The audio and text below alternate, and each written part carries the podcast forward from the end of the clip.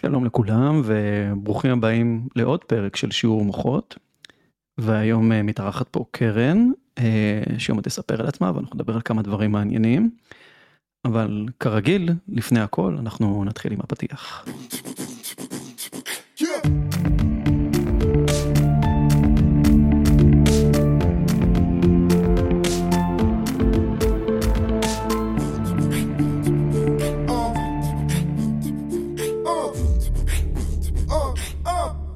נשמע קרן? היי אסף, מה העניינים? מה קורה? מעולה, אתה יודע, איפה בבודפסט. איפה את עכשיו? בבודפסט. כן. מעולה. אה, אז מי שלא מכיר את קרן, היא מסתובבת לה בעולם אה, ונהנית לה מהחיים תוך כדי שהיא עובדת, לא, לא, לא, לא רק החיים הטובים, עובדת קשה. אה, ולפני שקרן תציג את עצמה, אני אספר שאני את קרן, אפשר להגיד, פגשתי פעם ראשונה, מהצד שלי בכל אופן, אה, כשהאזנתי לפודקאסט ש... שהיא התארחה בו אצל אה, ליאור פרנקל. וכבר אז הבנתי שיש פה איזה משהו טיפה שונה לחיוב כאילו. התחלתי קצת לעקוב אחרי הפעילות שלך לא בצורה קריפית כזאת, יודעת כזה. את זה אתה אומר עכשיו. כן, stalking מהמרפסת אה, של הבניין ממול. עשית הרבה מאוד דברים מעניינים, גם תוך כדי הקורונה ואחרי, ובעצם בנית את המותג שלך שהוא, שתסבירי לי באיזושהי נקודה אני מקווה למה זה נקרא מתוד קווין. אבל בואי ספרי קצת על עצמך. ו... כי זה נשמע לי, רק לשמוע עלייך לפני הפעילות שלך זה נשמע לי מאוד מעניין. אז, אז קודם כל, אני רוצה להתחיל בתודה שהזמנת אותי לדבר איתך, כי זה ממש ממש אה, כיף. ו, אה, ולמי שלא מכיר, קוראים לי קרן רייטלר. אני נוודת דיגיטלית היום, אבל בעיקרון בפן המקצועי שלי אני סטורי טלרית. אני משתמשת במילים כדי להביא, לעזור גם לארגונים וגם לעסקים קטנים, לבנות את המותג שלהם ולהעביר את המסרים שלהם טוב יותר. אה, ואני חושבת שמה שמיוחד במה שאני עושה, אם משווים את זה קצת אה, לסטורי טלרים אחרים שנמצאים, זה בעצם השילוב בין הרבה מאוד עולמות תוכן שהם מאוד רלוונטיים לעשייה דיגיטלית. זאת אומרת, אה, אני עושה אפיונים לאתרים, ולא רק את הכתיבת תוכן שלהם למשל. אה, אני משלבת את חוויית המשתמש שלהם, יחד עם הנראות הוויזואלית שלהם, זאת אומרת, אני מנחה סטודיואים שעובדים ומעצבים, כי אני לא מעצבת בעצמי, אה, ובעצם ממש מנסה להבין מה הנרטיב שאנחנו רוצים לבנות על המותג שלנו, דרך הרבה מאוד אספקטים, דרך מיילים שאנחנו שולחים, דרך אה, חוויות ומסעות לקוח שאנחנו יוצרים, דרך המילים שאנחנו משתמשים בהם, הנראות, בעצם הכל כדי לבוא ולייצר מותג שהוא חזק, זכיר, שמעביר את המסרים שלו כמו שצריך. או לא כמו שצריך, אבל כמו שהוא רוצה. אוקיי, של, ש, שזה כמו שצריך, כי בסוף הלקוח הוא מה שהוא צריך. אה, אבל אה, את לא התחלת דווקא מזה, נכון? זאת אומרת, זה, זה מה שאת עושה היום. אבל איך הגעת דווקא לזה שאת, אה, שאת, שאת, מכוון, שאת מכוונת את עצמך לעסקים כאלה שצריכים את כל סל השירותים והחיבורים האלה? אז אם אתה שואל אותי, כשיצאתי לעצמאות מה עשיתי, אז בכלל הייתי מלוות מנהלים. בגלל שאני מגיעה מעמדות מאוד בכירות של מכירות, מאוד רציתי ללוות מנהלים ומנהלות להיות מנהלים טובים יותר עבור העובדים שלהם. כי בארגון האחרון שעבדתי בו הייתה מאוד, הרבה מאוד מצוקה של עובדים. אמ, אבל ה storytelling האמת מצא אותי. אני, וואי, הייתי ממש אה, כמה חודשים בעולם העצמאות, והגיעו אליי הרבה מאוד פניות שקשורות למכירות. בגלל שזה העולם גם שהגעתי ממנו.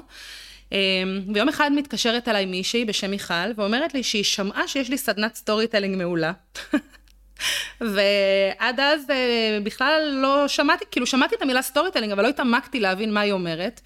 וכמישהי מאוד אה, אמביציונית שרצתה אה, להצליח, אמרתי, כן, ברור. סיפרתי לה פחות או יותר מה הולך להיות, מה הולכת להיות בסדנה, או מה הולך להיות בסדנה.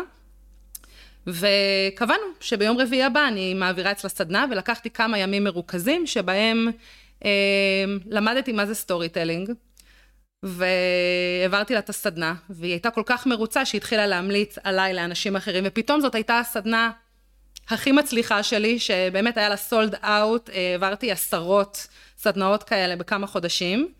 אה, הגעתי לאמזון איתה, הגעתי ל-monday.com איתה, זאת אומרת, אה, פתאום היא הגיעה לא, לכל מיני הכל מקומות. התחיל במקרה בעצם. כאילו, הכל מתחיל במק- מזה ש... הייתה לך סדנה לפני כן, לפני שהיא פנתה אלייך? הייתה לי סדנת מכירות, הייתה לי סדנת מנהלים, היה לי אפילו קורס מנהלים. כן, אבל לא, לא, לי, לא הייתה לי סדנת storytelling, ואני זוכרת גם שכשסיפרתי למלווה העסקית שלי דאז, ש... על הסדנת storytelling, אז היא פשוט היא אמרה לי, תקשיבי, הברק הזה שיש לך בעיניים, זה מה שאת צריכה לעשות.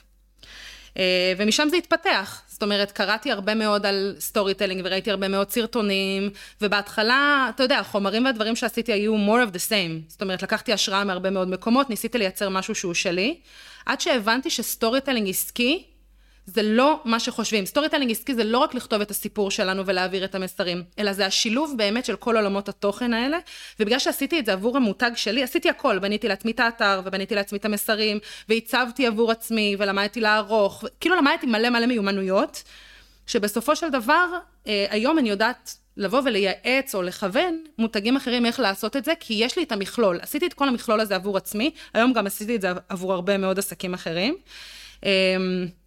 ואני חושבת שזה העיקר, זאת אומרת בעולם שאנחנו, בעבר נורא רצו אנשים שהם מתמחים בדברים, אה, אני מומחה ל storytelling, אני מומחה ל... אני לא אומרת שאני מומחית, אני מבינה בוא, בהרבה בואי מאוד עולמות תוכן. בואי נשים רגע זה, אה, איזשהו, אה, איזושהי הנחת יסוד, המילה מומחה הפכה להיות כאילו הדבר הכי, כאילו זה, זה, זה כאילו קידומת לכל דבר ש, שמישהו עושה. זה כאילו קצת הפך להיות אה, יותר מדי. אז גם אני לא אוהב את המילה הזאת מומחה, לפעמים מציגים אותי כמומחה למשהו, חבר'ה אני לא מומחה, אני עושה את הדברים האלה, יש יותר טובים ממני. ואתה עושה אותם טוב, בדיוק. כן, יש כאלה יותר טובים ממני, יש כאלה שחקרו את זה אולי מומחים, יש כאלה ש...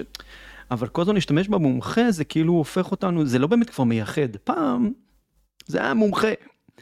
היום כולם, כאילו צריך לעשות, לא להיות מומחים. נכון.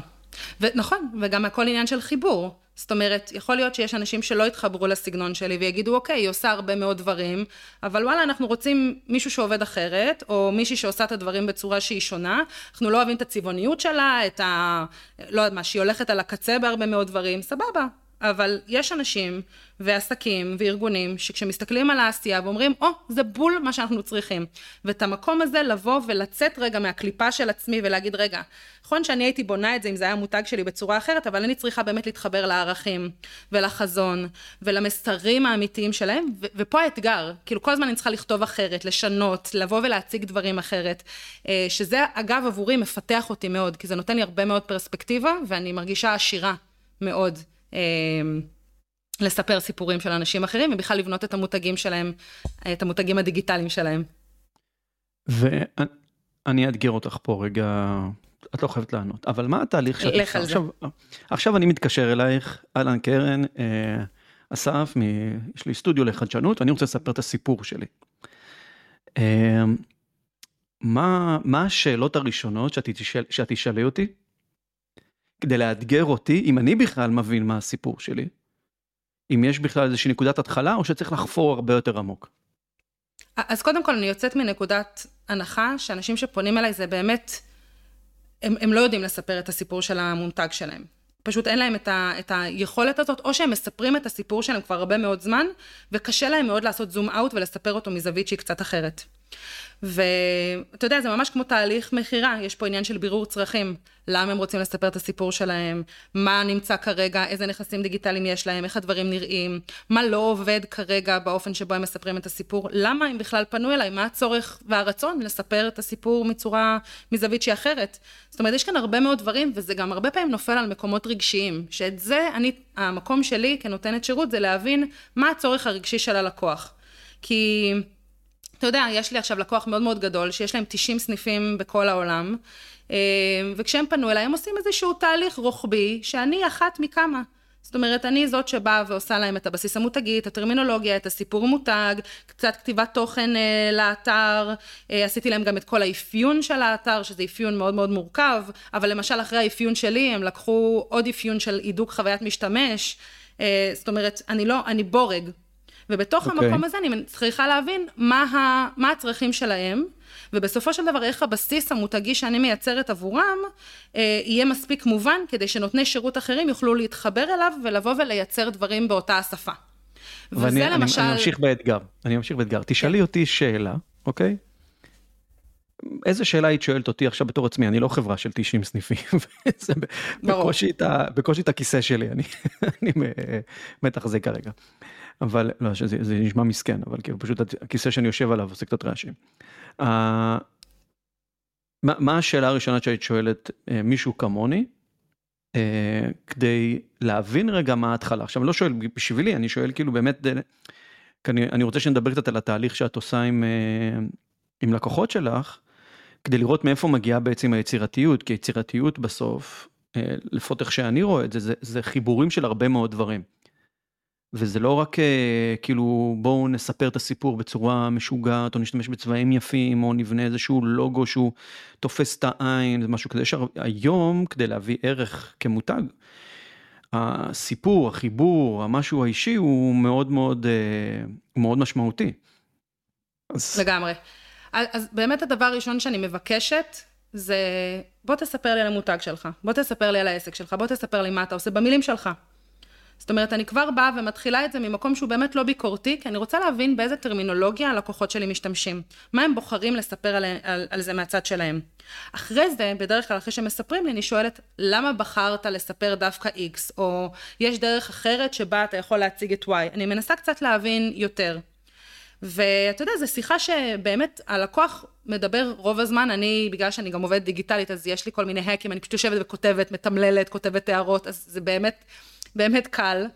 אמ, ואני חושבת שאחרי שעוברים את הדבר הזה, תראה, לבוא ולכתוב סיפור, אה, סיפור מותג זה לא פגישה אחת. אני מנסה להבין מי הלקוחות, אל מי פונים, מה לא עובד בפנייה עכשיו, איזה לקוחות הם אמנם לא פונים אליהם עכשיו, אבל כן היו רוצים להביא. והתהליך עצמו שאני עושה, הוא, כמובן שזה תלוי לקוח, אבל אם מישהו בא ואומר לי, בואי תכתבי לי את הסיפור שלי, אני לא עושה את זה, כן? כאילו, אני רגע רוצה לקחת צעד אחורה ולהגיד, אני לא לוקחת פרויקטים כאלה, זה לא מעניין.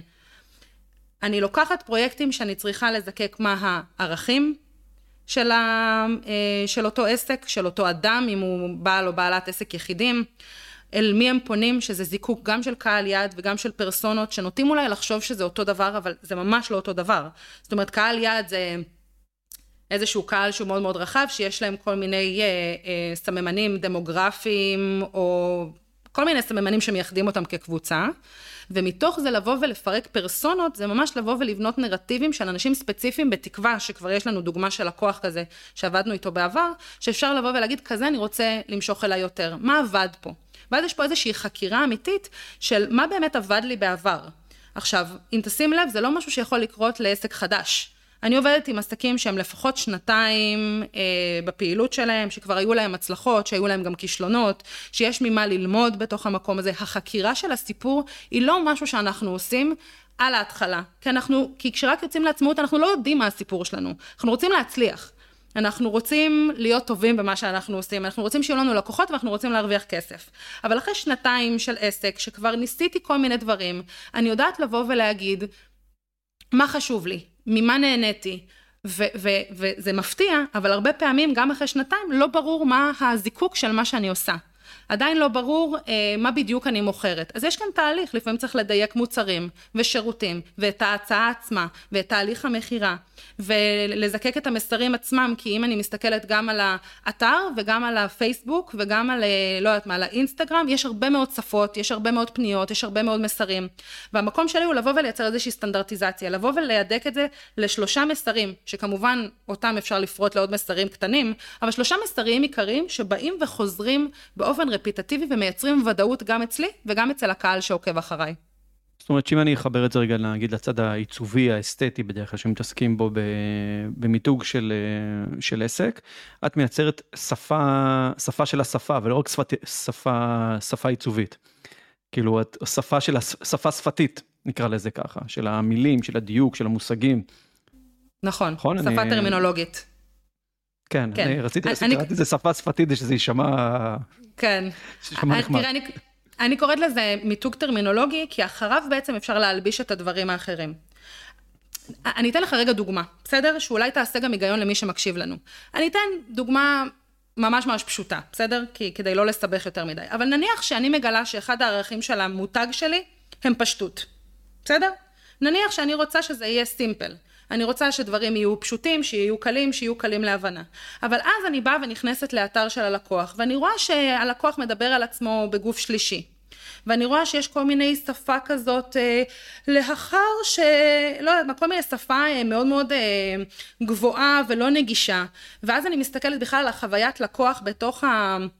בתוך האתר, ואני רואה שכדי להשאיר פרטים צריך ללחוץ על אה, חמישה כפתורים, ואז זה עוד מגיע טופס, ובתוך הטופס יש שמונה שדות, אה, ויש משהו שהוא מאוד מאוד מסורבל. אני באה ועוצרת ואומרת, רגע, אנחנו אמרנו שפשטות זה ערך אה, עליון בתוך העסק שלנו, אז נכון שאנחנו רוצים לקחת את זה ולפשט את השפה, ואולי את הסיפור ואת המסרים, אבל שים לב שפשטות נמדדת לא רק בשפה ובנגישות שלה, ועד כמה היא מובנת בצד השני, אלא בגלל שרובנו חיים בעולם הדיגיטלי, אז כשאתה אומר שפשוט חשוב לך, צריך לבוא ולתקן משהו במסעות לקוח באתר. צריך לבוא ושיהיה פשוט ליצור איתך קשר. בוא נוסיף רגע כפתור של וואטסאפ.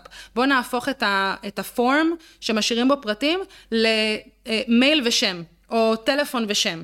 בסדר? בוא אחר כך, כי אנחנו רוצים שזה יהיה פשוט, אבל גם רוצים שזה יהיה ודאי, בוא נוסיף אחר כך עוד pop-up שאומר, תודה, הפרטים התקבלו, אני חוזר אליך תוך 48 שעות. משהו שמייצר איזושהי ודאות, ואז בעצם מחבר את החוויה של הלקוח. עכשיו, זאת רק דוגמה אחת, כי אם אני מדברת רגע על השפה הוויזואלית, בסדר? על השפה המיתוגית, אה, לא הטרמינולוגית, אז אתה יודע, אם יש פתאום משהו שהוא נורא נורא מורכב ומלא אלמנטים שמתחרים על התשומת לב שלי, אז זה גם לא פשוט. אם אני באה ואני אומרת שאני רוצה משהו פשוט, אני צריכה לפשט גם את השפה.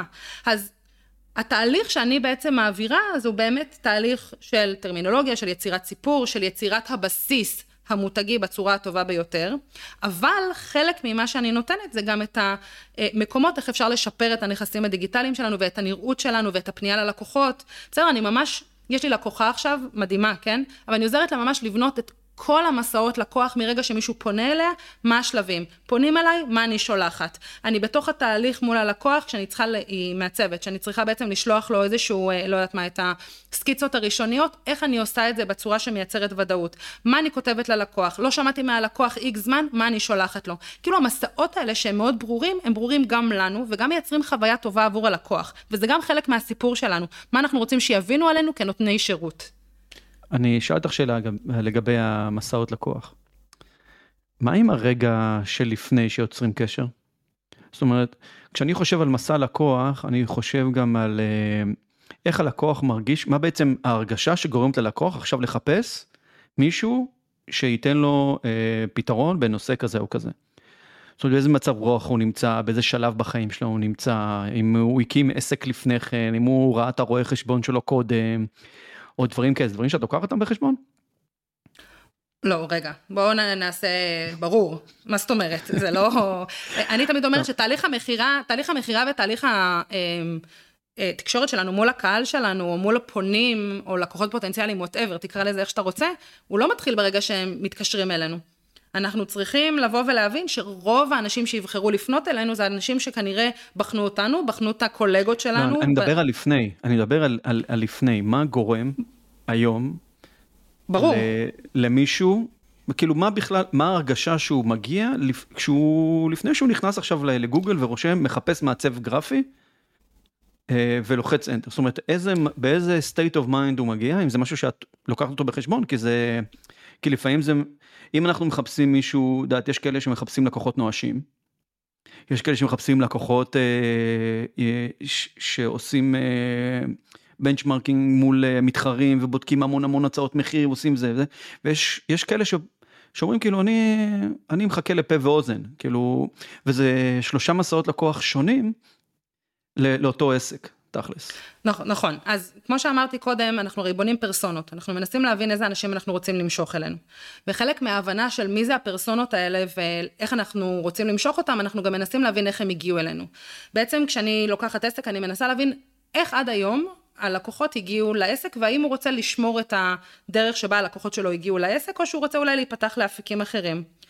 ובאמת, אני חייבת להגיד שהרבה פעמים זה מפה לאוזן, אה, אה, יש לי אה, גם מלווה שהיא מאמנת, אז רוב הלקוחות שלה מגיעים מדודים ודודות, כי היא מאמנת בני נוער, אה, דודים ודודות שדואגים לאחיינים שלהם, אז כאילו זה מדהים, כי הלקוח עצמו, שימו לב, מי שהיא נותנת לו שירות, זה לא מי שמשלם לה.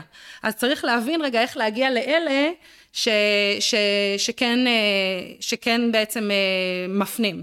עכשיו, צריך להבין כמה דברים. הדבר הראשון זה שיש את האפיק שאני יכולה לשלוט הפרס... עליו. זה כמו הפרסומת לדני, כי בשבילך זה דני, כי בשבילו זה דני ובשבילך חלב, כאילו, נכון. הלקוח הוא, המוצר הוא לילד, אבל, אבל הלקוח זה בעצם האימא. נכון, הלקוח הוא מי שמשלם, בדיוק. בדיוק. אז, אה, אז, אז כשאני בעצם מנסה להבין מה קורה פה, אני מנסה בעצם להבין מה ה scenarios. הרי יש הרבה מאוד תרחישים שלקוחות יכולים להגיע אלינו להקשיב לנו. אז הדבר הראשון שאני אומרת, רגע, מה בדרך כלל לקוחות מחפשים ומה השאילתות? לא, לא על מה אני רוצה לענות, אלא באיזה טרמינולוגיה הם משתמשים ואיפה הם מחפשים את זה? האם הם מחפשים את זה באינסטגרם? האם הם מחפשים את זה ביוטיוב? האם הם מחפשים את זה בגוגל? זאת אומרת, האם הם מחפשים את זה בקבוצות? מה הטרמינולוגיה הזאת? עכשיו, מה הדרך לדעת? זה דרך סזיפית, כן? זה לעקוב אחרי הרבה מאוד קבוצות, זה לעבוד עם כל מיני... אה, כלים של אה, שאילתות של גוגל, זה להבין כמה מספר תוצאות שיש, מי המתחרים בכלל על המילות מפתח האלה, ולייצר נניח אה, בלוגים, נגיד מאמרים בבלוג, שעונים על השאלות הספציפיות האלה. למשל, מה זה storytelling? בסדר, אני נמצאת בעמוד הראשון. אה, דוגמאות ל storytelling, אני נמצאת בעמוד הראשון. לא כי רציתי אגב לענות על זה, זה לא עניין אותי מבחינת, זה מאוד פשוט לעומת מה שאני עושה. אבל הבנתי שהרבה פעמים אנשים מחפשים את הדוגמאות האלה, את הדברים האלה. ואני רוצה לבוא ולהתחיל... ומגיעים אלייך דרך החיפוש הזה בעצם. בדיוק. ואני רוצה לבוא ולהתחיל לחמם את הלקוח, אם הם נתקלו בי פעם ראשונה, אני רוצה שהמידע שהם אה, מקבלים בפעם הראשונה יהיה מספיק חזק, הוא יהיה מספיק טוב, כדי שהם יגידו וואלה מעניין, אולי אני אקרא עוד דברים שלה. אה הנה הציע לי להירשם עכשיו לניוזלטר, אולי אני ארשם. ואז לאט לאט אני מתחילה לחמם את הלקוחות שלי. עכשיו בואו נבין, רוב הקהל שעוקב אחרינו יישאר קהל עוקב ולא יהפוך ללקוחות משלמים. אבל איך אני יכולה בעצם להעביר בתוך הפאנל שלי את הלקוחות כדי שיצאו משם לפחות עם איזושהי הצעה והם יהיו לפחות בשלב ה-consideration, שלב שבו הם שוקלים לקחת אותי במידה והם צריכים מול נותן או נותנת שירות אחרים. זה מסע אחד. הדבר השני, כי דיברנו בעצם על איך, אה, איך לקוחות מגיעים ומה אני עושה לפני. אז קודם כל אני שואלת את עצמי, מה הם מחפשים? מה הם שואלים? אה, מה מעניין אותם לדעת ולהעשיר את עצמם לפני שהם בכלל מגיעים אליי? כי יכול להיות שבשלב החיפוש שלהם הם מחפשים משהו, אבל הם עדיין לא בשלים לקחת שירות. אז אני רוצה שכשהם כן יבשילו, שאני אהיה בשלב המודעות שלהם. זה דבר אחד. הדבר השני, זה להבין שאם אנשים מגיעים רגע מפה לאוזן, אז איך אני פונה, איזה רפרלס אני עושה, מה המידע החינמי שאפשר לקבל ברשת ולטעום ממני. בסדר? איך אני יכולה בעצם שאם, אה, לא יודעת מה, שולמית ממליצה עליי אה, לשרגא, אז שרגא בא ואומר, רגע, לפני שאני פונה אליה, בוא נבין רגע מי. מה הנרטיב שאני בונה? מה הנכסים הדיגיטליים והנרטיב של זה, כן? בדיוק. מה הדבר הראשון ששרגא הולך להיחשף עליו מבחינת, וצריכה לחשוב גם על הפלטפורמות, האם שרגא אוהב אה, אה, סרטונים, אז לאיזה סרטונים הוא נחשף? אם אה, שרגא אוהב לקרוא, לאיזה מאמרים הוא ייחשף ראשונים? אה, אם, אה, לא יודעת מה, הוא... אה, אוהב לצרוך תוכן, האם יש לי תוכן שהוא חינמי? עכשיו שימו לב, זה הרבה מאוד עבודה.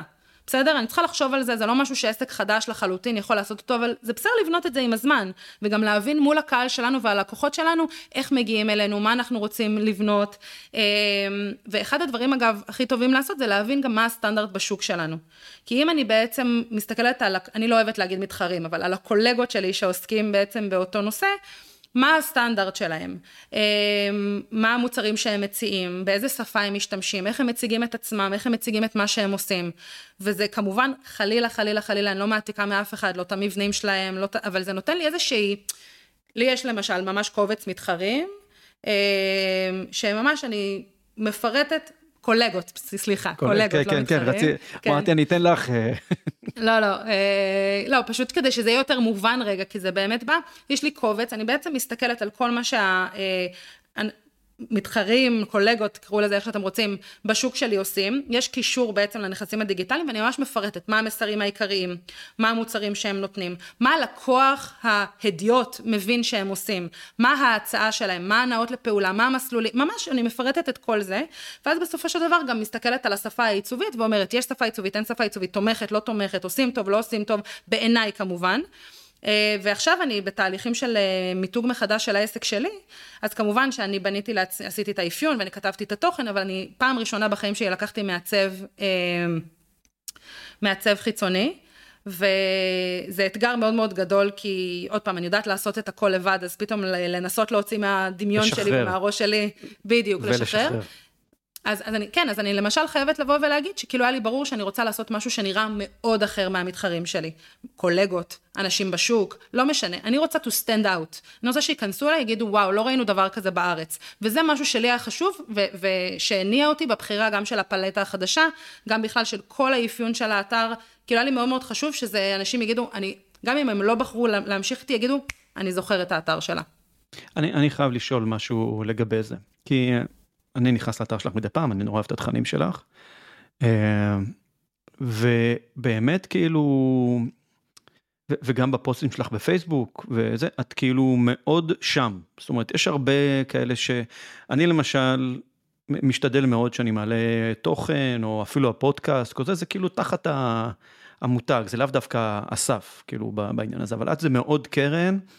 ואת שמה גם את, ה, את המסע אה, שלך ושל אלכס ב, ב, ברשת, וזה חלק מהסיפור שלך, ויש לך, ואת מצטלמת כאילו, ו, ועושה הכל שאת, את כאילו, את שם, כאילו, יש את הקול, את הקול שלך. אז ו... מה זה מפוד קווין? בדיוק. זה, זה, זה, זה רציתי, כי, כי את, את אה, כאילו שמה את, את יודעת מה, הקווין אני יכול להבין. בסדר? כי את uh, המלכה של, uh, שלך, בתוך, ה, בתוך העולם, ש, בתוך המותג שיצרת. אבל החיבור הזה של מתוד קווין, מה, מה זה אומר, ואיך זה... איך כאילו זה בא לידי ביטוי בעצם בחלק מהסיפור? זאת שאלה מצוינת, שאני חייבת להתוודות ש... אתגר, אתגרתי לא... קצת? לא, כן, אני לא פיצחתי את זה לגמרי. אה, כשיצאתי לעצמאות לפני כמעט ארבע שנים, אז בכלל השם שלי היה ביז דבל, אה, כי מאוד רציתי to be associated עם אה, מקומות נורא ביזנסים, כאילו מאוד פחדתי שבגלל שאני אולי זה יישמע תמוה, כן? אבל נורא פחדתי שבגלל שאני אישה, אז מאוד ישימו אותי במקומות הרכים, אה, במיוחד כשרציתי לדבר על... משאבי כן. אנוש, הרצאות למנהלות ודברים כאלה. בדיוק, כי, שאגב, אני לא נגד, אני עשיתי הרבה פרויקטים כאלה ונתתי להם באמת ערך ביזנסי אמיתי, אבל כאילו מאוד לא רציתי להיות בפינה הזאת של אה, מישהי שיצאה עכשיו אה, לעצמאות והיא עושה empowering, אני מאוד לא, כאילו, אני רוצה... ואני כן אגב מדברת לנשים, ואני מדברת ברבות הרבה פעמים, כאילו למרות שאני פונה לכולם, אבל כאילו מאוד לא רציתי להיות בפינה הזאת. והיה לי גם לוגו כזה של אה, שד כזה, משהו מגניב ממש, אמ, וקניתי דומיין, ואז הגיעו אנשים שהתחילו להגיד לי, מה, בזבל? כאילו, כאילו, ביז דבל, אבל כאילו לא הבינו שאני מדברת באנגלית. ואז אמרתי, רגע, רגע, אני צריכה לעשות חושבים מחדש, כי כרגע רציתי לפנות רק לשוק הישראלי, וכאילו הייתה כאן איזושהי, אה, איזושהי בעיה, למרות שאני חושבת שביז דבל זה באמת שם גאוני. אה, שאגב הגיע לי בחלום, אז, אה, ו, והדומיין של bizdevil.com היה פנוי, אז גם ידעתי שדי עליתי פה על משהו, ואז הייתי צריכה לעשות רגע חושבים מחדש, וניסיתי להבין רגע במה אני טובה, במה אני נתפסת. פניתי ל, אמ, לעובדים שלי לשעבר, אה, עובדים ועובדות שלי לשעבר, ושאלתי אותם, כשאתם חושבים עליי, מה הדבר הראשון שעולה, במה אני הכי טובה? ומה שחזר מהרבה מאוד אנשים שונים, זה שאני, יש לי מתודות עבודה. מתודות, מתודות, מתודות, מתודות, מתודות, ואז אמרתי לעצמי, חשבתי איך אני יכולה להכניס מתודות ומה קורה, ואז אמרתי, אוקיי, method queen. עכשיו, כשיצאתי לפני ארבע שנים לעצמאות, אה, ועוד בכלל לא חשבתי לנווט בעולם, ולא חשבתי בכלל על לעבוד מרחוק, כאילו לא היה קונספט שקיים עבורי, אה, הייתה לי פנטזיה שאני תוך אה, שנה הולכת להיות ממש סטודיו עם עוד שלושה, ארבעה, חמישה עובדים. ובאמת רציתי שמתוד קווין תהיה, לא רציתי שידעו מי זאת קרן רייטלר. ובאתר הראשון שלי גם, כאילו אם לא היית נכנס לסיפור שלי, גם לא היה שם בכלל, כאילו, רק שם הייתה תמונה שלי, בכלל לא הייתי נוכחת בתוך הדבר הזה. ואז קרה משהו מאוד מאוד מעניין. התחלתי להעביר אה, הרצאות, בהתחלה גם בחינם, בכל מיני פרויקטים של, אה, של אה, ווייז ובליץ ותכלס וכאלה. ו... אה, בווייז אגב, אני לא בטוחה שבסוף העברתי הרצאה, אבל כל מיני, אה, כל מיני אה, פלטפורמות חינמיות כאלה. ו... כשהסתכלתי בעצם ב... אמ, ב analytics שמחובר לאתר שלי, ראיתי שמחפשים קרן רייטלר. אשכרה היו חיפושים של קרן רייטלר. והבנתי שבארץ אולי, כאילו, אתה יודע, זה hassle לבוא ולהעביר את זה עכשיו לאנגלית ולכתוב method queen. כאילו, זה, זה, גם מה יצא? זה לא יצא רק בארץ. אז כאילו, אנשים ממש התחילו לחפש קרן רייטלר. ואני זוכרת שהלכתי, היה פעם פרויקט של... אה, מועדון קפה הבוקר או משהו כזה, שאנשים ש... שנפגשים נפגשים לקפה, כאילו, כזה... ש, ש, לא, ש, market כן, place אבל, של אבל, פגישות על קפה. כן, אבל זה היה marketplace של פגישות על קפה, שכשאנשים שכבר הצליחו בתעשייה, כל מיני סמנכ"לים, מנכ"לים, אה, נותנים את הזמן שלהם ואפשר בעצם להיפגש איתם. ו... אני לא זוכרת את השם שלו, בכלל, כאילו, נפגשתי עם בחור קסום בשם עמרי, שהוא היה מנכ"ל של איזושהי חברת שיווק, שאני מתנצלת, אני לא זוכרת את שמה. אה, והוא נתן לי פגישה ממש ממש מועילה, ואני זוכרת שהראיתי לו את האתר שלי דאז, שמאוד התגאיתי בו, שעשיתי אותו בעצמי, היום אימא'לה, היום אני מסתכלת בעבר ואני אומרת לעצמי, אימא'לה, מה זה העיצוב הזה, מה זה הדברים האלה, לא חשוב, סטייד נוט, אבל uh, הוא הסתכל והוא אמר לי, תראי, את צריכה להחליט, אם את רוצה להיות בפרונט, כאילו יש לזה, יש לזה יתרונות ויש לזה חסרונות, ואני הייתי מאוד מאוד נחושה לא להיות בפרונט. אבל בסופו של דבר, uh, במיוחד שפרצה הקורונה, ואלכס ואני עשינו את האקדמיה של קליקר, שזה איזשהו פרויקט שבעצם אה, אירחנו 58 מרצים אה, להרצאות בחינם, באמת תפסנו מאוד מאוד תאוצה, וזה היה, אז לא Method Queen עשתה את זה, קרן רייטלר ואלכס קוגן עשו את זה ביחד, וקרן רייטלר תפסה תאוצה, ו Method Queen נשארה. עכשיו, אני עדיין משתמשת בלוגו, אני עדיין שמה את Method Queen מנסה לשים אותה ב front, אבל זה מאוד מאוד ברור שזאת קרן רייטלר, קרן רייטלר הנוודת הדיגיטלית שעושה גם storytelling, קרן רייטלר, כאילו זה, זה יותר נוכח, ובדיוק אתמול ערכתי... זה הגיבור מארח, זה הגיבור מארח, זה כאילו, את הגיבורה של הסיפור שלך. נכון. נכון, ואני אגיד עוד משהו שבדיוק אתמול, אה, זה בושה להגיד, כן, אבל למרות שאני מלמדת אנשים איך לעשות reels, אני אתמול העליתי את ה reels הרציני הראשון שלי. אמ, ושמתי בסוף מין איזושהי שקף שכתוב עליו method queen. ואלכס בדיוק אמר לי אתמול, אני חושב שכדאי לך לבוא ולכתוב קרן רייטלר ומתוד קווין בקטן. כאילו, זה בדיוק מה שהוא אמר לי אתמול, ואמרתי לו, אני אחשוב על זה. זה, כן, יש פה שאלה. כן, זה, האמת היא, זה מאוד מזכיר לי גם את התהליך שאני כאילו, אצלי גם כדעת, המעבר מלהיות אה, שכיר במיוחד במערכת ביטחונית, ללהיות עצמאי ולספר את הסיפור שלי ואם לשים אותי במרכז או את ה... זה במרכז, כאילו זה, אני, אני מתאר לעצמי שזה משהו שהוא מעסיק כל אחד שמנסה לעשות שינוי בקריירה ודרך אגב זה לא משנה אם זה להיות משכיר לעצמאי או משכיר במקום אחד לשכיר במקום אחר או אפילו לשנות פוזיציה ב, בתוך, בתוך ארגון. זה, זה מאוד מורכב, אבל אני חייב לשאול רגע, את uh, מאמינה שזה הכל יהיה אה, מהודק כמה שיותר על, על ההתחלה, או לפחות ב, באמצע התהליך, או ש-better done than perfect, כדי להיות קודם כל כדי שתהיה נוכחות. זאת אומרת, שאלה... אצלך, אצלך בסיפור, בסיפור שלך, אני מבין שקודם כל זה היה, קודם כל להיות שם. זאת אומרת, אנחנו, כאילו, אנחנו, גם אני כזה, כאילו, אומר, קודם כל, קודם כל שידעו שזה, אני קיים, אחרי זה נתחיל, אני אשקיע כספים באתר ולכתוב את הסיפור וזהו, קודם כל שידעו מי זה אסף או הסטודיו שלי או כל דבר אחר. אבל השאלה היא אם כשאת עובדת עם, עם לקוחות, כי אנחנו בדרך כלל, אנחנו כבני אדם או בכלל אנשים שעובדים עם אנשים ומלווים אותם, אנחנו בדרך כלל כלפי עצמנו יותר סלחנים, ועם לקוחות אנחנו הרבה יותר אה, יותר טיפה פרפקציוניסטים כי אנחנו כי יש לנו איזושהי איזושהי רמה או איזשהו משהו שאנחנו לא, לא מוותרים עליו. אין לנו זמן להיות חובבנים כאילו אנחנו נותנים איזה משהו אבל שאלה איפה את מתחברת למשפט הזה better done than perfect או המצוין זה האויב של הטוב מאוד. אני בשוק שאתה סלחן. אני בשוק שאתה סלחן כלפי עצמך. כלפי עצמי? אה, אני אגיד את זה לפני שאת עונה, אני מצטער שאני קוטע, אבל אני אגיד את זה. למשל, אני פשוט, אה, אני מקשיב המון לאנשים שהם עושים, אה, מייצרים תוכן. כי אני מנסה ללמוד מזה, זאת אומרת, הפודקאסט שלי הגיע אחרי שהקשבתי להרבה אנשים שאיך הם עשו פודקאסט, איך הם הגיעו לזה, ואני רוצה לעשות דברים ביוטיוב. אז עכשיו, אני בן אדם מאוד פרפקציוניסט, תמיד יהיה לי את הציוד הכי טוב, אני אקנה את המצלמה הכי טובה, את האודיו הכי טוב וכל זה, אבל לייצר תוכן זה מאוד מאוד קשה. ו... ואז פשוט החלטתי שכאילו אני עושה. זה שריר, אני חייב להתחיל לאמן אותו. הפודקאסט הראשון שלי לא יהיה בחיים טוב כמו הפודקאסט האחרון שלי בחיים. זאת אומרת, יהיה איזשהו מנעט, יהיו תקופות פחות טובות, יותר טובות, ואם אני אחפש כל הזמן את המקסימום, את, ה, את הסאונד המעולה, ואת הזה, יכול להיות שאני אפספס תוכן מעולה. והשאלה כאילו, אז אני למדתי בתור אחד שגם מגיע ממקום שהוא חייב להיות תמיד פרפקציוניסט, אה, למדתי להיות יותר סלחן כלפי עצמי ולהגיד אוקיי, אה, כאילו better done than perfect בחלק מהמקרים. אז אני רוצה רגע לענות על זה בכמה שלבים. הדבר הראשון זה שלשלמות יש, מאוד תלוי בסטנדרט שלנו.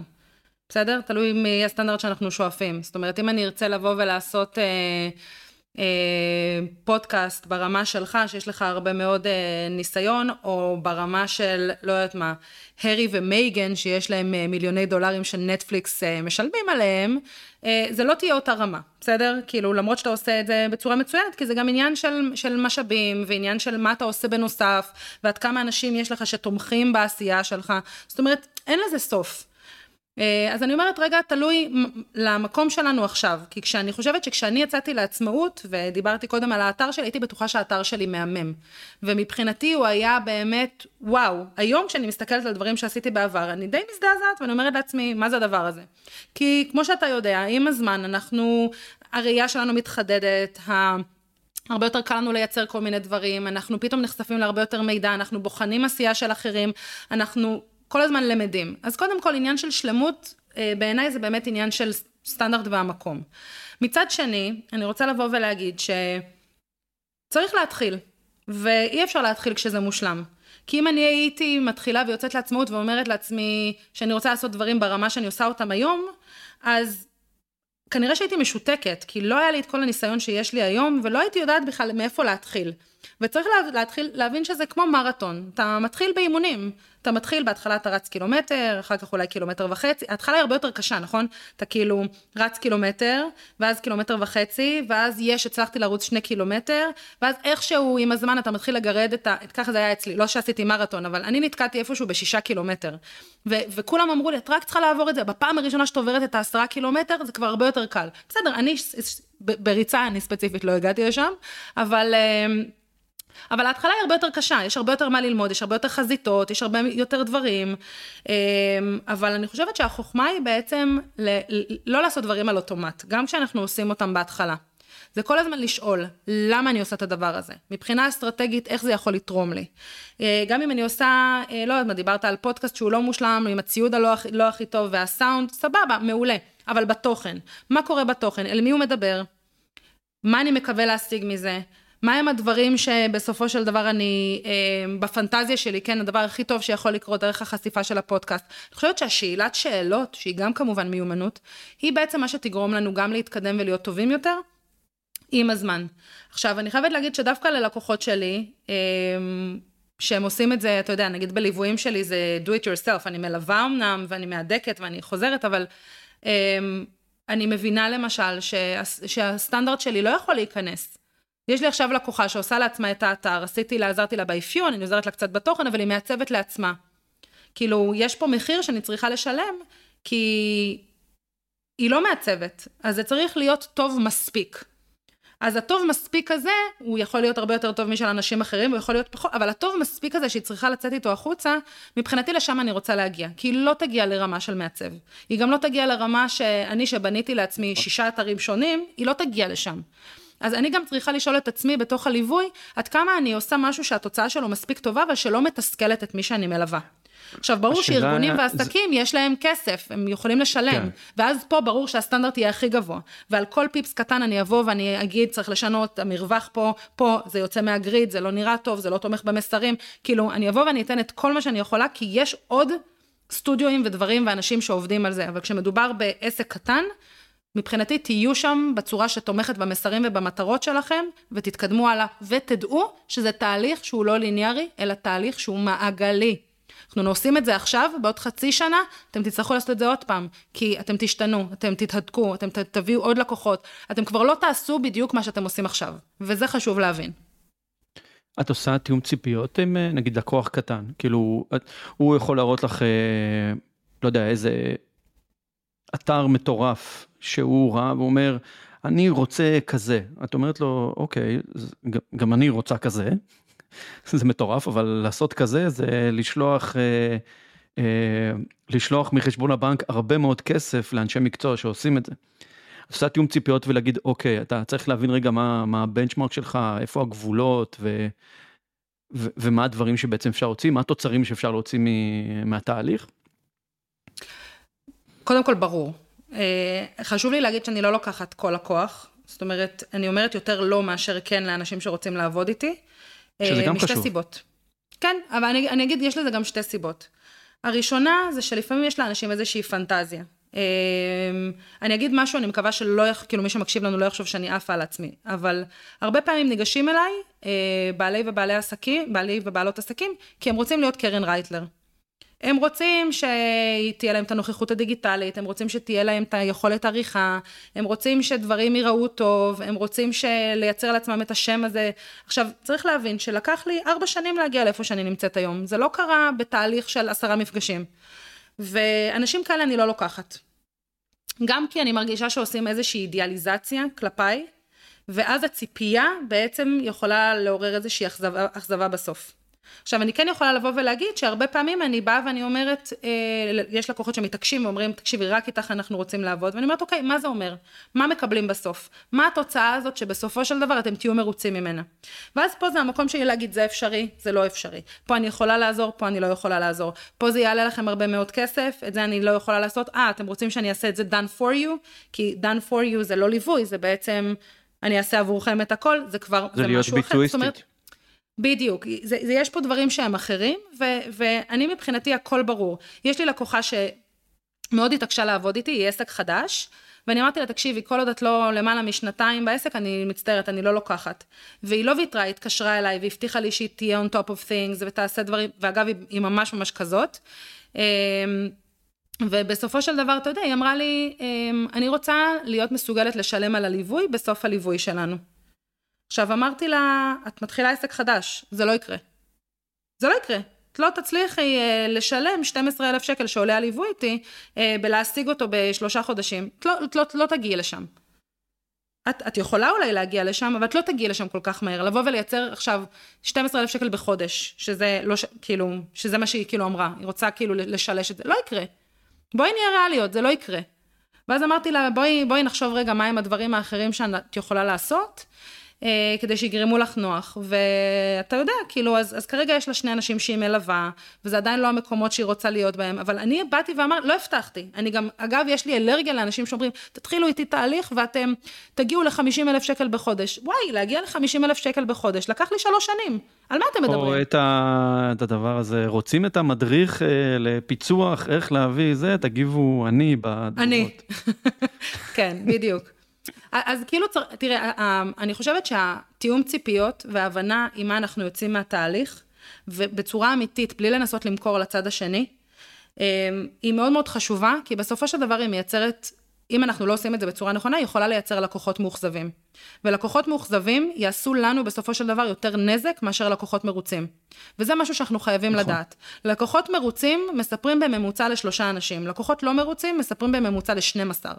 אז ובעולם שכל כך קל לבוא ולשים איזושהי תגובה או להגיד משהו, אמ, זה יכול להיות הרסני, זה יכול להיות לא...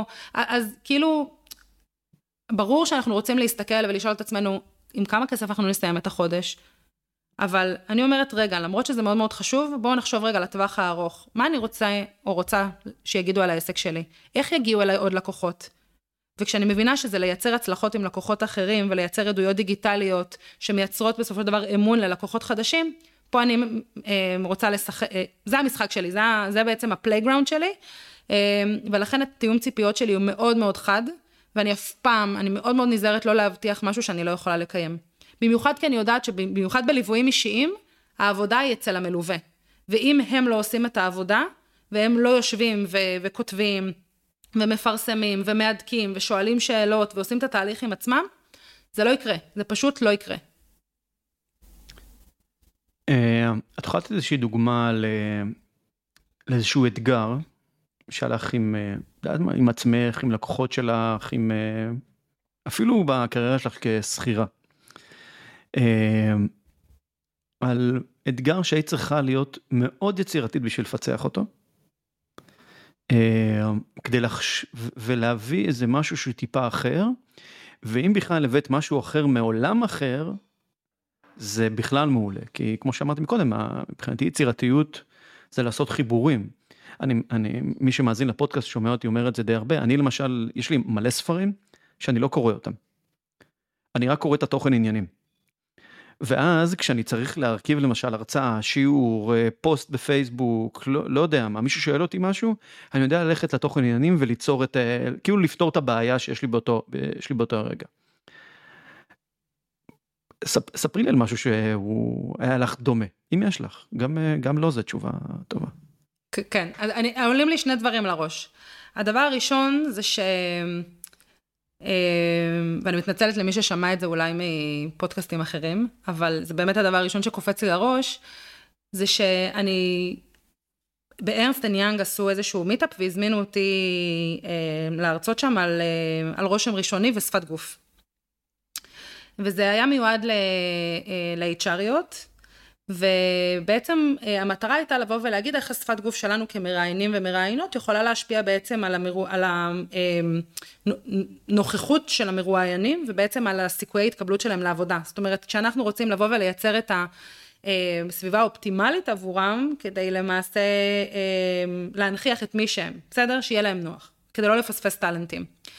ואני עומדת, יש שם, היו שם איזה 300 נשות מקצוע, זה היה מטורף, ואני עומדת, ולא יכולים לראות אותי כרגע, אבל אני כאילו עושה מין משהו עם הידיים כזה של עצבנות, ואני לא מפסיקה לזוז בעצבנות, ואני כאילו אוכלת את עצמי, ואומרת לעצמי, יואו, איזה לא מקצועית אני, יואו, איזה מטורף זה, אני הולכת לה, להעביר הרצאה על שפת גוף, והשפת גוף שלי מראה שאני לחוצה, וזה הלחיץ אותי עוד יותר, והתחלתי להזיע, כאילו משהו ממש ש, שבאותו רגע הרגשתי מאוד לקודה כזה בתוך, ה, בתוך הסיטואציה, ואמרתי לעצמי, טוב, יש לי כמה אפשרויות. הראשונה זה פשוט להתעלם, להגיד, טוב, מי שראה ראה ופשוט להיות הכי טובה, או, אני, אני קוראת לזה, לבוא וללטף את הפיל שבחדר. אני תמיד אומרת, אם יש סיכוי שמישהו ראה משהו שמספר עליי באופן לא מודע, משהו שהוא לא טוב, ואני שמתי לב לזה, אני צריכה לבוא ולשים אותו על השולחן. ופתחתי את ההרצאה אה, עם זה ש... איזה מביך זה להיות מרצה על שפת גוף ולעמוד בעצבנות ולעשות את הדבר הזה. ואז בעצם עמדתי, הראיתי להם מה עשיתי והתחלתי לנתח מה זה אומר. ו... וזה היה מדהים, כי בעצם זה יצר את האמון. כאילו הם באו ואמרו, טוב, היא לא מבלשטת אותנו, היא לא באה לספר לנו משהו אחר, היא באה וסיפרה משהו על עצמה שהוא היה חושפני. שהוא היה קצת אחר. ואז אחר כך גם המשכתי וניתחתי את הנהג מונית שלקח אותי בעצם אה, לארנסטן יאנג, למשרדים שלהם, וניתחתי בעצם את השפת גוף שלו.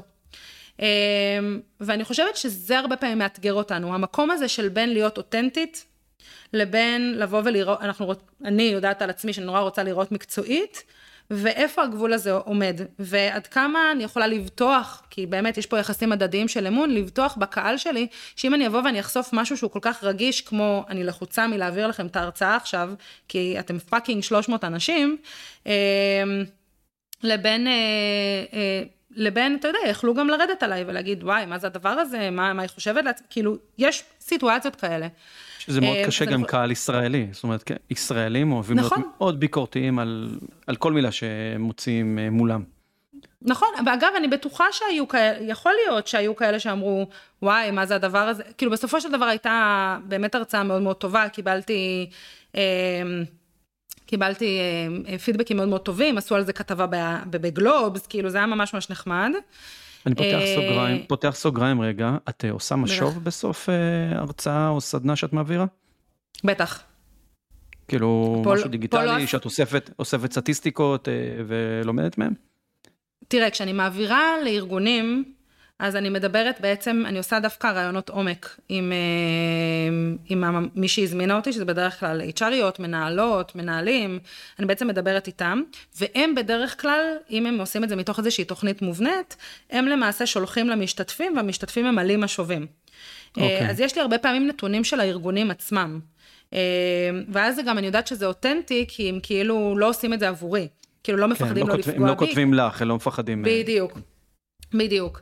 למשל העברתי בצ'ק מרקס, העברתי סדרה של שלוש הרצאות. אמ, ובכל הרצאה היו, אה, זאת אומרת זה היה מיועד לנשים, העברתי את זה פעם אחת בארצות הברית, פעם כאילו, פעם אחת באוסטרליה, פעם אחת בארץ. אני הייתי פיזית בתאילנד, אבל זה מה שקרה מבחינת האוכלוסייה. וזה היה מדהים, כי קיבלתי ציון עגול של עשר מכל שלושת ה... אה, מכל שלושת הלוקיישנים, אה, והם אפילו אמרו, כן, וזה היה, היה מדהים, אבל אני יכולה להגיד שזה לא תמיד ככה, הייתה לי איזושהי הרצאה. אה, אני הייתי אז בדרום אפריקה, זה אומר שזה היה כמעט לפני שנתיים. הייתה לי איזושהי אה, הרצאה שהיא... היא אמרה שזה היה מתחת לכל ביקורת, ושזה ממש לא מה שהם ציפו לו. ואגב, מלבד העובדה שהייתי devastated אחר כך, אני שאלתי את עצמי איך אני יכולה להשתפר, ואז התהליכים שלי בהכנה מול יצירת תוכן מול ארגונים מאוד מאוד השתנה. זאת אומרת, אמנם זה היה נורא נורא מבאס אז, אה, אבל היום בעצם כשאני מעבירה הרצאות וסדנאות לארגונים, אני ממש גם עושה מפגש הכנה, אה, גם אחר כך אה, חולקת איתם את המבנה ומה הולך להיות ועם מה יוצאים, ממש אני עושה איזושהי עבודת הכנה הרבה יותר, הרבה יותר חזקה, ואגב, מאז כל המשובים שלה היו ממש ממש טובים. אבל אגב, מי שמקשיב לנו, כאילו, אין דבר כזה להיות עצמאי או עצמאית בלי להיכשל, בלי שמישהו חייבים. יראה את מה שעשיתם עקום. כאילו, אני פעם חשבתי שאוי ואבוי, מה זה אומר עליי? אני זוכרת שמיררתי על הספה בדרום אפריקה ואמרתי לאלכס, אולי אני צריכה לחזור להיות שכירה, אני לא טובה במה שאני עושה. ואחרי יומיים כאילו העפתי לעצמי כאפה ואמרתי לעצמי, טוב, כאילו תתאפסי על עצמך, זה פידבק אחד, בואי תראי איך את עושה את הדברים האלה טובים יותר. ובסופו של דבר, אגב, זה קרה גם, אה, גם בליוויים שעשיתי. היה לי ליווי של מישהו ש... אה, גם לפני שנתיים ומשהו, ואחרי שלושה מפגשים הוא החליט להפסיק את הליווי, והוא אמר שהליווי לא תורם לו במקום שאיך שהוא רצה. ואני זוכרת ששאלתי את עצמי, אוקיי, כאילו מה אני יכולה לעשות טוב יותר? ושלחתי לו אחר כך כאילו גם הדברים שהשגנו בשלושה מפגשים, גם המלצות להמשך, ממש ניסיתי לסגור את זה יפה. אה, ואז ישבתי ובניתי ממש את כל הליוויים שלי בצורה אחרת לחלוטין, אה, ואחרי שבוע הוא התקשר אליי ואמר, תקשיבי, עבר עליי משהו אישי. והייתי לחוץ מכסף, אה, בגלל זה זרקתי אותך, אני חושב שהליווי שלך מעולה. והוא אגב המשיך איתי את כל העשרה מפגשים, אבל הכאפה הזאת שהוא נתן לי, בעצם גרמה לי להדק בצורה טובה יותר את מה שאני עושה היום, ואין מה לעשות, הלמידה הזאת והניסיון האלה, אין להם מחיר. בגלל זה, אם אני חוזרת למה ששאלת אותי בהתחלה, האם הסיפור צריך להיות מושלם מההתחלה? ברור שלא. הסיפור שלנו משתנה. אם הוא יהיה סיפור אחד סטטי, הוא לא יהיה מעניין. הסיפור שאני מספרת היום, הוא לא הסיפור שסיפרתי לפני ארבע שנים. לחלוטין לא. אני חושב שאם אה, היה אפשרי, והייתי מאוד רוצה לזה, את זוכרת שהיה פעם, יכול להיות שיש את זה עדיין, היה ספרים כאלה של, אה, אה, ספרי משחק כאלה, שאת uh, מגיעה לאיזושהי נקודה ואז זורקת קובייה וזה כל פעם שולח אותך לעמוד אחר. מוכר לך הז'אנר? זה לפני עידן המחשבים. כן זה כאילו היית מגיעה לאיזושהי נקודה ואז אומרים אוקיי הסיפור יכול להמשיך uh, ככה ככה וככה יש איזה שלוש ארבע אופציות זורקת קובייה. אה כן כן כן נכון. ואז זה, זה אומר לך אוקיי יצא ככה. לעמוד הזה כן זה מעין כאילו זה מאוד התחבר לעולמות של מבוכים ודרקונים וכל מיני כאלה וזה. אבל זה כאילו זה נקודה כזאת, זה, זה מאוד התחבר לי כאילו מה שאמרת, כאילו לפעמים השואו או פידבק כזה שאנחנו מקבלים, גורם לנו לפעמים לזרוק קובייה. ולהחליט רגע, אוקיי, אולי מעכשיו הסיפור ילך למקום אחר. אני, אני למשל, אה, בנקודות שהרגשתי אה, אה, כישלון, אמרתי, אוקיי, יכול להיות שאני פשוט, זה לא הקהל שלי. זאת אומרת, אני עשיתי, סתם נגיד, עשיתי איזושהי הרצאה ל... ל לקבוצה של אנשים, חצי מהאנשים לא היה מוצא חן ביניהם התכנים. זה בסדר. לא כולם חייבים להיות מרוצים, זה גם טוב. עצם העובדה שנגעתי ב-50% מהאנשים, אמנם, ש... אמנם שכשמלמדים על הדרכה אומרים 100% אה, ידע ל-100% אנשים, זה כאילו ההצלחה של, של הדרכה, של למידה, אבל כאילו זה, זה בסדר. אני לא חייב לרצות את כולם. כאילו לא, לא כולם חייבים להתחבר אליי, ויש כאלה שהם יכולים להתחבר אליהם, כאילו שהם אה, קולגות, ו, ובהצלחה עם זה. ו... אז, אז אני מאוד מתחבר מה שאת אומרת, אני אישית גם כן, נקודות כאלה שהייתי שבור מפידבק אה, גמור. אבל אה, אמרת שיש עוד סיפור קטן, אנחנו עוד מעט בשעה, אז אנחנו נתחיל לאסוף ולסכם. אבל אמרת שהיה עוד איזשהו אתגר קטן, משהו שאתגר אותך. כן, בסדר, פחות דרמטי מזה, אבל הייתה לי לקוחה שבעצם כשהיא הגיעה אליי היא הרוויחה משהו כמו 1,800-2,000 שקל בחודש, ואני זוכרת שאני אמרתי לה, תקשיבי, אם תעשי מה שאני אומרת לך, ואני בדרך כלל אגב לא מבטיחה כאלה דברים, אבל הכרתי את העשייה שלה קצת יותר, אמרתי לה, תעשי מה שאני אומרת, את תגיעי, תגיעי למעלה מ-12-14 אלף שקל בחודש, מבטיחה לך. וזה היה מדהים, כי בחודש השני היא סגרה על שמונה וחצי, בחודש השלישי היא סגרה על 12 אני חושבת, ומאז היא פשוט הייתה 16, 18, השיא שלה היה 26, כאילו התחילה להרוויח הרבה מאוד כסף. וסיימנו את הליווי, והיא חזרה להרוויח את ה-2,000, 3,000, 4,000 שקל בחודש. ואני חושבת שאחד האתגרים שלי היו, אה, במקרה הזה, זה לבוא ולהבין, רגע, איך אני עכשיו מייצרת עבורה איזשהו סיסטם שהיא לא בהכרח תצטרך אותי, כדי שהיא תוכל בעצם לבוא ולשמור על התוצאה שלה, כי עובדה, היא מסוגלת להרוויח כל כך הרבה כסף. היא מסוגלת להגיע לסכומים האלה, היא יכולה, היא עושה את זה טוב. אמ, ובאמת אה, הייתי צריכה לבוא ולעשות משהו שאני לא עושה עבור לקוחות אחרים, וזה ממש לייצר איזה שהם עוגנים הרבה יותר ברורים, וגם לתת לה להיעזר בי, לפחות בהתחלה, עד שהיא בעצם פורסת כנפיים. אמ, ואני חושבת ש... כשעובדים עם אנשים ומבינים שאנשים כל פעם ולכל אחד מהם יש את הצרכים השונים שלהם, ואנחנו אלה שנותני שירות, אין סיסטמה אחת. זאת אומרת, אותי מנחם ומרגיע כשיש לי, אה, יש לי איזושהי סיסטמה שאני יודעת שאני מעבירה את הלקוחות שלי מנקודה A לנקודה B, זה התוצרים שיש בסוף. אבל בפועל, זה אף פעם לא מתחיל ומסתיים באותה נקודה. יש הרבה מאוד קשיים מנטליים בדרך, יש הרבה מאוד אה, פחדים, יש אה, אולי לפעמים חוסר במיומנויות שצריך לבנות אותם בדרך. ואני חושבת שאחד הדברים המאתגרים over and over again עבורי, זה לבוא ולזהות בדיוק מהם הצרכים של הלקוחות שאני מלווה. עוד פעם, אני לא מדברת על ארגונים ועסקים גדולים, אלא על, על one person shows כאלה. כן. אמ, ואני הייתי צריכה לפתח מיומנויות אימוניות, אה, ולשלב אותם בתוך התהליך המאוד פרקטי קונקרטי שלי.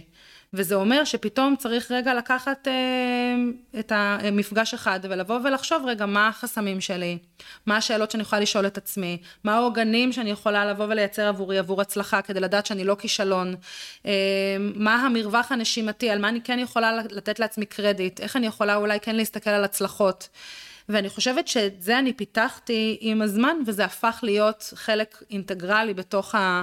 בתוך הליוויים שלי, אבל זה לא היה קל, כי מבחינתי אני הייתי מאוד פרקטי, פרקטי, פרקטי, עושים את זה, תעשו את זה, תגיעו לשם, אבל להבין שיש קושי מנטלי אמיתי, לקח לי רגע זמן, והיום אני ממש משלבת בתוך הליוויים שלי גם פרקטיקות אימוניות, גם אה, פרקטיקות של מנטורינג, אה, וגם כמובן ממש ללמד וללוות בצורה שהיא מעשית. את בעצם בונה מתודה לכל לקוח שאת... אה, שעובד נכון, איתך. מסתכל... נכון, אני מסתכלת על לקוחות כאלה אינדיבידואלים. בדיוק. בדיוק. מעניין. קשוח, מעניין, אה, מאתגר. כן, כי כשעובדים עם אנשים, ובמיוחד שרוצים לרצות אנשים, ובמיוחד שרוצים אה, לגרום להם להיות מרוצים מעצמם, שדרך אגב זה לפעמים אתגר אה, יותר קשה מאשר שיביאו עכשיו עוד עשרת אלפים שקל, הם צריכים להיות מרוצים מעצמם, ההגשמה העצמית, יש הרבה מאוד אתגרים בלעבוד עם אנשים שהם עצמאים, אה, שמנסים להביא את, ה, את האהבה של, של התחום שהם עוסקים בו, כאילו להביא אותו כלפי חוץ. אה, אז זה, אתגר, אנשים זה אתגרים, זה, זה כל הזמן. וטוב, זה, זה חלק מהעניין, הכל צריך להיות Human Centered. זה, זה הסיפור. טוב, קרן, אנחנו, אני אוהב לכזה שזה יהיה בסוף איזושהי שעה כזאת, אבל רציתי לשאול אותך שאלה אחת שאולי ככה תסכם, קודם כל דיברנו על, דיברנו על הרבה דברים, שגם קודם כל מתוד קווין, סוף סוף יש, יש תשובה, והבנו, נראה לי שהבנו גם למה, יש לך מתודה באמת לכל דבר, כאילו את... אה, היה קשה מאוד לאתגר אותך, כי הכל כבר מסודר לך. כאילו, יש לך אה, גם בראש וגם באקסלים, מגירות מגירות עם כל הדברים אה, מסודרים ו... ומהונדקסים. אני פחות אה, מסודרת ממה שנדמה לך, אני חייבת להגיד. אני, אני את מסודרת הס- בבלגן. זהו, דרך אגב, אה, אני- אני אגיד לך את הגישה שלי לדבר הזה. אני למשל, כשאני עובד עם ג'ימייל, אין לי תיקיות. מכיוון שאני יודע לחפש, ואם יודעים לחפש, אז אנחנו יכולים להיות הרבה יותר מסודרים. אה, כאילו למשל לייצר תגיות זה הרבה יותר נכון למשל מאשר לייצר תיקיות, וזה אנשים שהם מסודרים. האנשים הלא מסודרים זה אלה שיוצרים תיקיות ומעבירים את הכל לתיקיות, ואישי, כללי, וזה, ואז יש להם מיליון תיקיות, אבל הם לא יודעים מה יש בכל תיקייה. וכשמסדרים את זה בצורה מחשבתית זה אחרת. אז אני חושב שאת מסודרת, יש לך אינדקס, כמו שאני יודע, כן. ת- תוכן עניינים. דיברנו על אה, מה, מה התהליך שאת עושה עם, ה, עם הלקוחות, אבל אני רוצה לשמוע מה, אם היית עכשיו צריכה לחזור חמש שנים אחורה, את עצמאית ארבע שנים, כן. נכון? היית צריכה לחזור חמש שנים אחורה, והיית יודעת שיש קורונה, והיית יודעת ש...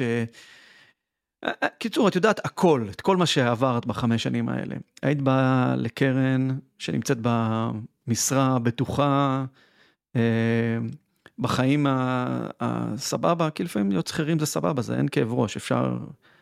אמנם בישראל אין כזה דבר working 9 to 5 באמת, יש איזה working 9 to 9 in the next day, אבל זה... מה, מה, מה הטיפ היחידי, הטיפ הכי חשוב, את יודעת מה, אפילו שניים, שהיית אומרת לעצמך, אה, שאולי היה משנה לך קצת משהו בחוויה של החמש שנים אה, האחרונות. הייתי אומרת, תסמכי על עצמך. כאילו, קטן עלייך, you've got this. זה לא... עזבי, עזבי, כאילו, עזבי לפחד, זה לא שווה את זה. כי יש נקודות יציאה. זהו, זה הטיפ שלי. תזכרי שיש נקודות יציאה.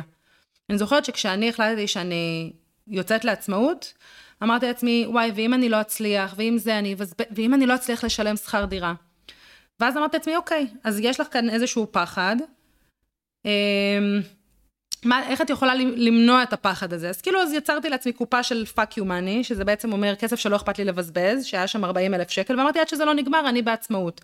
אבל כאילו כל כך פחדתי ולא הבנתי שכאילו ב-worst case scenario תחזרי להיות שכירה, כאילו שטויות.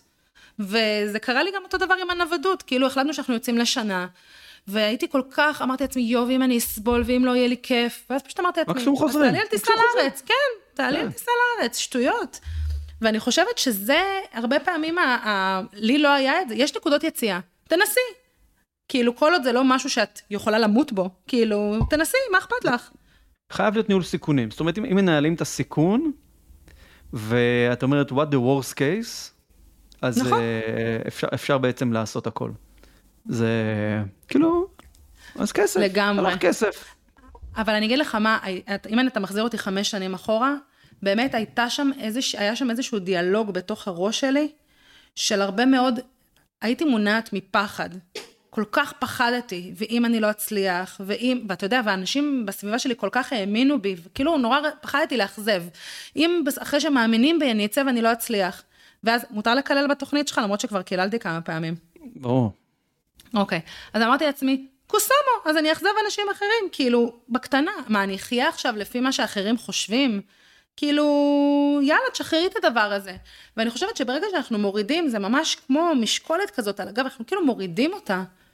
אז כאילו אנחנו אומרים, טוב, אז אני אנסה, מקסימום אני, מקסימום אני לא אצליח. נו, אז יש לי עוד שיעור למידה. אני חושבת שכשמסתכלים על החיים בצורה הזאת, הרבה יותר קל לנסות, ובאמת מקסימום, לא הכל עובד. יש הרבה כישל... כאילו, אי הצלחות, אפילו לא כישלונות.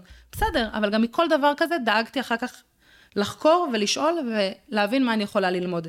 ובגלל זה אני יכולה להגיד שאני מאוד גאה בבן אדם שהפכתי להיות, באישה שאני היום, ביכולת מחשבתית, ניתוחית, אה, וגם ביכולת שלי להוביל את הלקוחות שלי להצלחה. וזה לא היה עובד כשאני מפחדת על עצמי. זה לא היה עובד. מעולה. קרן, המון תודה. תודה לך, אה, אני חייב אסף. להגיד שאני אני, אני כל כך שמח ש... שלפני, אה, מתי היית בברצלונה? לפני חודשיים? בערך, נכון? משהו כזה? כן, ביולי. ששלחתי, ששלחתי לך את ההודעה, יאללה בוא ניפגש. כאילו, זה, זה, יצר, זה יצר חיבור טוב. אה, ותודה שהתארחת אה, פה בפודקאסט בשיעור מוחות. ולמי שהאזין אה, עד עכשיו, או ואבוי אם מישהו הפסיק באמצע, כי אתם הפסדתם פה, אם, אם, אם הפסקתם באמצע אז הפסדתם המון. אז מי שהזין עד עכשיו, אני מקווה מאוד שכל אחד רשם אתמול לפחות איזה שניים שלושה דברים שהוא למד מהם ויכול ליישם את זה על עצמו. כי בסופו של דבר הפודקאסט לא סתם נקרא שיעור מוחות, אנחנו באים פה ללמוד ממוחות של אחרים. מרצפת, אני קורא לזה רצפת הייצור של היצירתיות, בסוף האנשים היצירתיים נמצאים, זה אלה של עובדים, אלה שמלכלכים את הידיים ומתמודדים עם הדברים יום יום. אז המון תודה, וכמו שמתחילים, ככה מסיימים עם סגיר.